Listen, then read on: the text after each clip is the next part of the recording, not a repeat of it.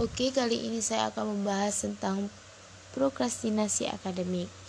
Sebelumnya, pernah nggak sih kalian, khususnya peserta didik ataupun mahasiswa, yang mana merasa pada fase ataupun kondisi di mana otak kita menyuruh untuk belajar atau mengejar deadline tugas yang lumayan banyak namun uh, di sisi lain hati kita juga bilang ah nonton drakor aja ah dulu.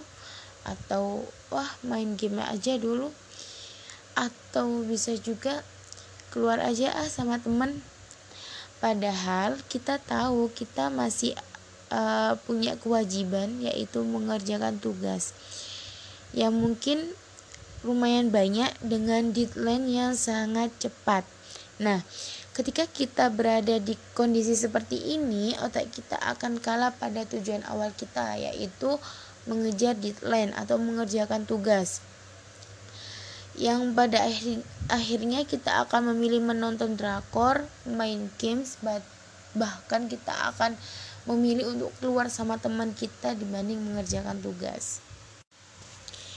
Dan prokrastinasi akademik ini juga merupakan suatu perilaku seseorang yang mana ia menunda untuk mengerjakan atau menyelesaikan tugas-tugas akademiknya.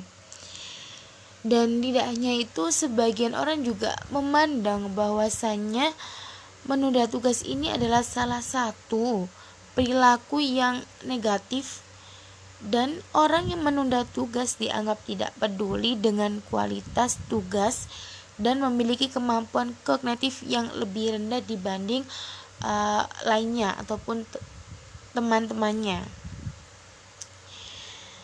Dan menunda tugas ini dianggap salah satu hambatan mahasiswa ataupun peserta didik untuk mencapai kesuksesan dalam akademis mereka. Seperti contoh eh, mahasiswa yang melakukan prokrastinasi akademis ini diprediksi sangat dikit yang memanfaatkan tenggang waktu yang diberikan oleh dosen untuk menyelesaikan tugas. Jadi mereka itu dikasih uh, tenggang waktu oleh dosen mereka masing-masing ataupun guru mereka masing-masing. Namun mereka lebih memilih uh, untuk melihat drakor, main games, keluar sama temen dibanding menyelesaikan tugas yang sudah diberikan oleh dosen ataupun guru mereka.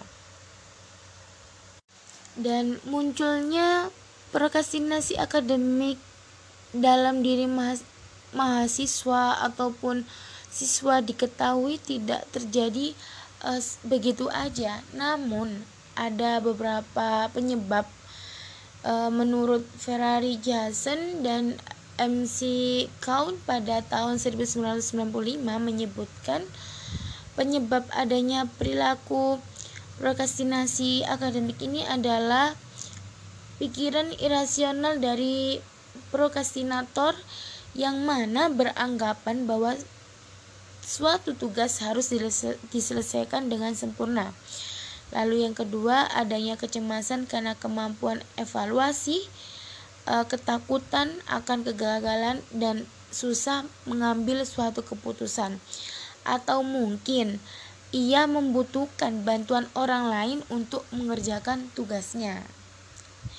Dan yang ketiga adalah malas dan kesulitan mengatur waktu dan tidak menyukai tugas yang diberikan oleh dosen ataupun guru mereka.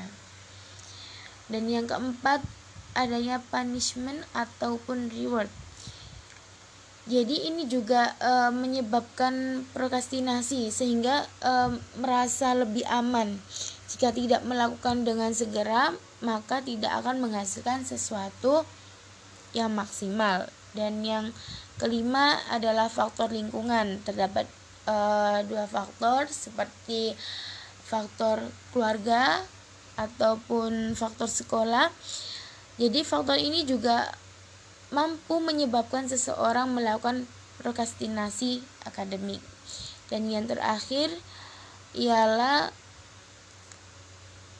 Prokrastinasi disebabkan karena adanya tugas yang menumpuk. Terlalu banyak tugas yang diberikan dan harus segera dikerjakan sehingga penundaan tugas yang satu dapat menyebabkan tugas lain tertunda.